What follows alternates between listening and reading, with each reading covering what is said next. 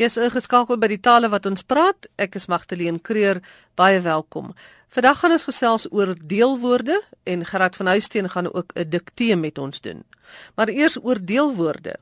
Deelwoorde is gevorm op basis van 'n werkwoord om dan 'n nuwe woord te vorm wat dan optree as 'n beskrywende woord. 'n Voorbeeld: Die werkwoord is breek en ons maak nou daarvan 'n byvoeglike naamwoord en dan word dit gebreekte, soos in gebreekte koppie. Maar kom ons hoor wat sê Gerard van 'n klompie voorbeelde en dan het hy vir Anneke Butler, 'n dosent in akademiese geletterdheid en vir jare lank 'n Afrikaans onderwyser nader gehark om te verduidelik. Maar hier is Gerard van Huisteen eers. Ek sê die werkwoord. Jy moet sê wat die deelwoord is. Ek sê bedek, jy moet sê bedekte. Hier gaan ons. Verkoel. Versuip. Vereis. Wat noem ons iets met skubbe? Eksamineer. Genereer. Opbou. Waag en die laaste ene inlê. Anneke, is daar enkele beginsels wat ons kan volg as dit kom by die vorming van deelwoorde. As jy 'n deelwoord vorm van 'n werkwoord, dan gebeur daar 'n paar goed. Jy sit ge vooraan en dan het jy die keuse om dilfte agteraan die woord te sit. En dis gewoonlik waarmee mense die meeste sukkel. Wanneer sit jy dif agteraan en wanneer sit jy te agteraan? In Nederlands is is die reël makliker. Alle woorde wat eindig op 'n stemlose konsonant kry te en alle woorde wat eindig op 'n stemhebbende konsonant kry de. Nou by ons in Afrikaans is dit nie so maklik nie, want daai laaste konsonant in die Nederlandse woord het nou al 'n ander klank in ons taal gekry. So, nou moet jy dink, as die woord, as die werkwoord waarvan jy hierdie beskrywende woord vorm op 'n stemlose konsonant eindig, dan jy keuse partykeer tussen dinte. As dit op 'n stemhebbende konsonant eindig, dan sê veilig, dan kan jy altyd dis sit. So, as ons nou hierdie lysie woorde kyk wat jy gegee het, verkoelde, geskupte, geëksamineerde, gegenereerde, hulle almal eindig op 'n stemhebbende konsonant l vir verkoel en b vir geskupte en geëksamineerde. Die werkwoorde wat deelwoorde vorm wat op 'n stemlose konsonant eindig. Dis 'n bietjie waar mens moet dink. As die werkwoord eindig op pitteke, dan is dit altyd te, dan vat jy altyd te. Die drie konsonante waarop die werkwoord eindig, wat waar jy 'n keuse het tussen te en de. Fanny gaan swem. F, g, en s. By daardie woorde het jy 'n keuse om te of dit te gebruik. En as ek so terugkyk na jou lys, dan sien ek ehm um, vereis eindig op 'n s. Dit kan dus vereiste of vereisde wees. Waag eindig op 'n g in teorie kan dit gewaagde of gewaagte wees. Maar ons moet onthou, party van hierdie forme raak gefestig en ek dink in die geval van gewaag is gewaagde die een wat gefestig geraak het wat ons die meeste gebruik. So die stemlose konsonante pitteke wat altyd te vat. Daai reël kan die mense in reël 11.6 van die AWS opkyk. En Fanny gaan swem die drie waar jy keuse het, stemlose konsonante, daai reël kan hulle in 11.7 gaan opkyk. En die stemhebbende konsonante wat nie vir ons 'n probleem gee nie, wat altyd eindig op de. Daai reëls is 11.9, 11.10 en 11.11. Lekker maklik al die reëls daar op 'n rytjie. Dan sit ons nog eintlik met 2 waar dit eindig op 'n vokaal of 'n diftong. Opbou en inlê. Opbou eindig op 'n diftong en 'n diftong is stemhebbend. En dieselfde reël gaan geld vir hom as ehm um, vir die stemhebbende konsonante. Alle vokale, alle diftonge aan die einde van 'n woord is nog steeds stemhebbend en daarom is dit maklik en gemaklik en natuurlik om dit te neem. So dis opgeboude. Opbou is 'n deeltjie werkwoord. Dis 'n ander tipe werkwoord. Dis 'n werkwoord wat gemaak is van 'n voorsetsel en 'n werkwoord saam. Wat gebeur by deeltjie werkwoorde is dat die ge altyd in die middel van die dele val. So op gebou de. Doodreg. Dan die laaste ene in lê. In lê is interessant want lê die vorm wat ons lê as die werkwoord ken. Jy sal ook sien dat dit weer 'n deeltjie werkwoord is, 'n voorsetsel saam met 'n werkwoord wat in lê is. Ek kan sê ek lê die vrugte in of die vrugte is ingelê. Ek het dit ingelê. Die ge kom weer in die middel van die woord. Maar die oorspronklike werkwoord in Nederlands um, is leg en hy kom na vore as ons die werkwoord vervorm tot 'n deelwoord. Dus gaan dit wees ingelegde of ingelegte want hy eindig op g Fanny gaan swem. Dis dan maklik genoeg met wat ons doen aan die einde van 'n woord, maar wat dan nou van die g aan die begin van die woord? Gerard, g of nee g nee is 'n regte ou tamaletjie in Afrikaans. Ek dink mense sal onthou, spesifiek op skool het jy altyd so 'n lysie voorvoegsels geleer van werkwoorde wat nie ge in die verlede tyd kry nie. Dis daai lysie ge, be, her, er, vir en ont. So alle werkwoorde wat met daardie voorvoegsel begin, kry nie ge nie en hulle gaan ook nie ge in die deelwoordvorm kry nie. So ons gaan met ander woorde praat van verkoelde en nie geverkoelde nie. En dis ook dieselfde met versuipte en vereiste of de. Maar daar's 'n ander een. Werkwoorde wat eindig op 'n eer. Hulle is ook 'n probleem. As die werkwoord twee lettergrepe het, het jy 'n keuse. Jy kan of jy kan met of sonder ge die verlede tyd vorm en ook die deelwoord vorm. So kom ons kyk, probeer.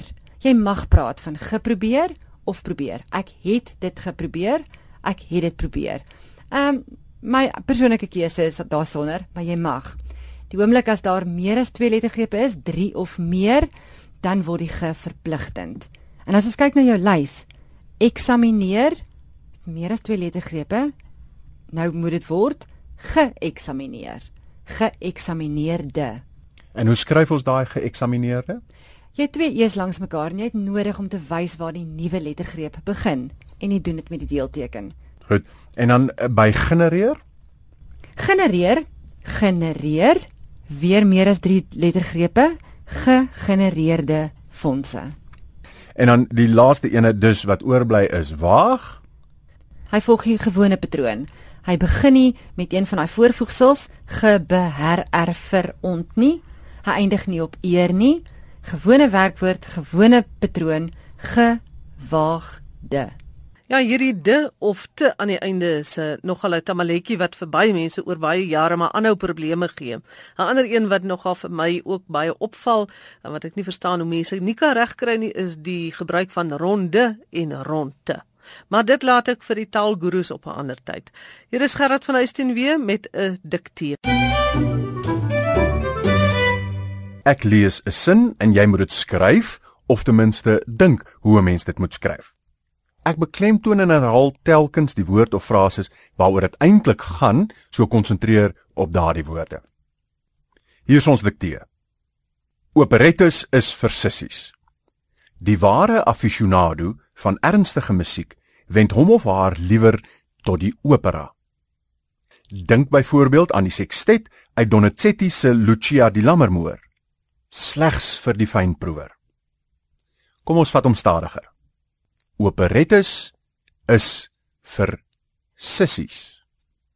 Die ware aficionado van ernstige musiek wend hom of haar liewer tot die opera. Dink byvoorbeeld aan die sextet uit Donizetti se Lucia di Lammermoor slegs vir die fynproewer. By my in die ateljee is Lenet van der Merwe wat 'n dosent is in Afrikaanse taalkunde aan die Universiteit van Pretoria, maar heel gepas ook Lenet is 'n befaamde Suid-Afrikaanse opera sanger. Lenet, operettes ook vir sissies in jou uh, volgens jou? Nee, glad nie.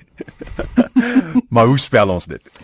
Uh operettes, O P E R E T T E S in die meervoud.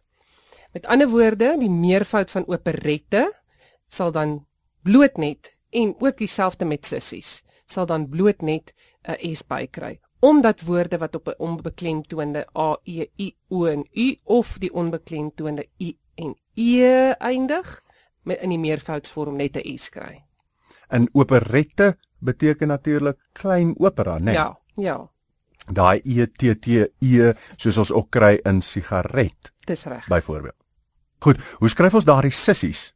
S I S S I E S. En dit beteken natuurlik pabroek of 'n 'n lafhartige persoon. En nie S U S S I E S. Nee, dis nie 'n sussie nie. presies. Dan kom ons by die mooi woord 'n uh, aficionado. Dis 'n pragtige Spaanse woord wat opgeneem is in Afrikaans. En volgens die ehm um, HAT en Faro se verklarende woordeboek beteken dit liefhebber of ondersteuner. Met ander woorde liefhebber van operettes. En dit word gespel A F I C I O N A D O. Met ander woorde die oorspronklike spelling word gehou. En die reël daar wat geld is dat woorde wat, wat, wat van vreemde herkoms afkom, gedeeltelik volgens 'n vreemde en gedeeltelik volgens 'n Afrikaanse spelwyse gespel kan word, maar in die geval behou dit die vreemde spelling. En hoe sou ons hom oorspronklik in die Spaans uitgespreek het? Aficionado. Ja, moet so 'n sofistelike daad, nee. Nee. Dit dit hang ook af van watter deel. Dit kan Madrid wees en dit kan Barcelona wees en dit vers, verskil ook. Die een sê wel die C soos ons dit sou uitspreek in Afrikaans. Ja, dis ons gewoon hier in Suid-Afrika aficionado. Dan kom ons by ernstige musiek. Uh word beide met klein letters geskryf. Dit is bloot 'n soortnaam en 'n byvoeglike naamwoord, ernstige wat die soortnaam musiek beskryf. Ehm um, daar is geen ehm um, snaakse reël daaroor nie. Dan kom ons by hom of haar. Dit is altyd 'n interessante ehm um, tamaletjie wat waaroor mense stry. Daar word gesê dat motors en skepe in die vroulike daarna dit in die vroulike vorm verwys word, maar die algemene skryfreël is dat alle lewelose dinge behoort na, daarna in die manlike vorm verwys te word. So met ander woorde, dit sou beter wees om te sê hom. Maar omdat 'n mens polities korrek wil wees en nie noodwendig seksistiese tekste wil skep nie, moet 'n mens eintlik dan hom haar gebruik. Maar dit maak jou teks verskriklik um omslagtig. En um die ander voor voorstel wat wat wat dan gegee word is is dat 'n mens eerder die sin herformuleer en in die meervoud skryf. Dan vermy jy die hom haar en dan gaan dit byvoorbeeld klink soos volg: Ware aficionados van ernstige musiek wend hulle liewer tot opera. Dan uh opera. Die klank e word in ooplettergrepe wanneer mense dit spel O P E R A deur 'n e weergegee ongeag die aantal lettergrepe in 'n woord of watter lettergreep die hoofklem dra soos byvoorbeeld in 'n haleluja ook. So die uitspraak is nie opera nie of opera nie, maar opera. En dit kom natuurlik uit Italiaans en beteken sangdrama. Dan by die mooi woordjie sextet. Ja, dit is nogal ene wat 'n tongknoper kan wees. Dit is nie 'n sestet nie. Dan beteken dit totaal en al en iets anders. Ek dink in elk geval laasgenoemde is nog nie eers opgeneem in 'n woordeboek nie. Maar 'n sextet, die betekenis daarvoor is dit ses stemme wat saam sing of ses instrumente wat saam speel. Net soos wat ons kry dat 'n kwartet dis vier stemme is, is 'n sextet ses stemme. Inderdaad, net so. En dan ehm um, as 'n mens dit nou in die meervoud sou wou skryf, dan sou dit wees sextette met 'n dubbel T E.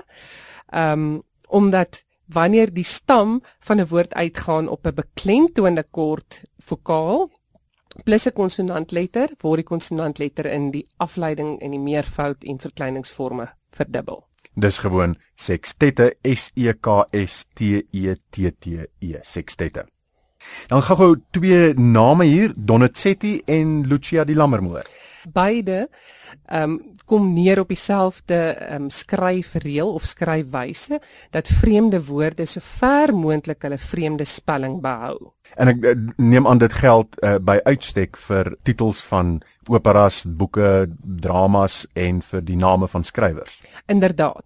Ehm um, die enigste plek wanneer of die enigste ehm um, geval wanneer dit vir Afrikaans word en dit sê ek in aanhalingstekens is wanneer dit byvoorbeeld in 'n taal geskryf word wat nie uitspreekbaar is in Afrikaans nie, soos byvoorbeeld Russies of um, Chinees, Japanees. So dis gewoon maklik, hoofletter D O N I Z E T T I Donizetti en dan Lucia Di Lammermoor. Hoofletter L U C I A spasie kleinletter D I spasie hoofletter L A M M E R M O O R. Goed, en dan ons laaste enetjie fynproewer. Binne in die sin sal dit wees kleinletter fynproewer. En dis gewoon F Y N P R O E W E R. Ja, lang y. Lang. Y. Baie dankie Lenet, tot 'n volgende keer.